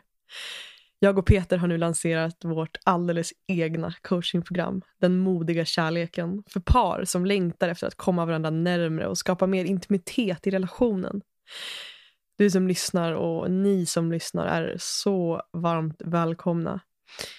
I länken till det här avsnittet så hittar du mer info och ja, allt det du behöver veta för att veta om det här är för dig och er. Jag vill också igen tacka Living Room som hjälper oss att göra det här samtalet möjligt. Living Room är för mig det mest självklara valet av coworking space i Stockholm. En plats för personer och verksamheter inom holistisk hälsa och personlig utveckling. Jag älskar den kreativa, varma och inspirerande oas som jag får dyka in i när jag jobbar från Living Room. Och som lyssnare till podden så får du nu 10% rabatt på ditt medlemskap när du använder koden perspektiv10. Och all info om hur du bokar eh, och var du bokar hittar du i länken till det här avsnittet. Tack till dig som har varit med oss idag. Vi är så nyfikna på hur det här landar i dig. Vilka tankar, insikter, frågor kanske till och med triggers väcks inom dig. Det betyder enormt mycket för oss att få ta del av dina processer och vi ser fram emot att höra från just dig. Skulle du vara intresserad av att gå ännu djupare och fortsätta det här samtalet så har vi också skapat en Facebookgrupp för att samlas och connecta och du hittar den genom länken som finns i beskrivningen till det här samtalet. Ett annat sätt att hjälpa oss att sprida samtalet vidare och att hjälpa oss att vara en del i att skapa en mer nyfiken och öppen värld är att posta det här på din story och helt enkelt visa att det här är perspektiv och samtal som behöver lyftas. Än en gång, tack till dig som är här med oss.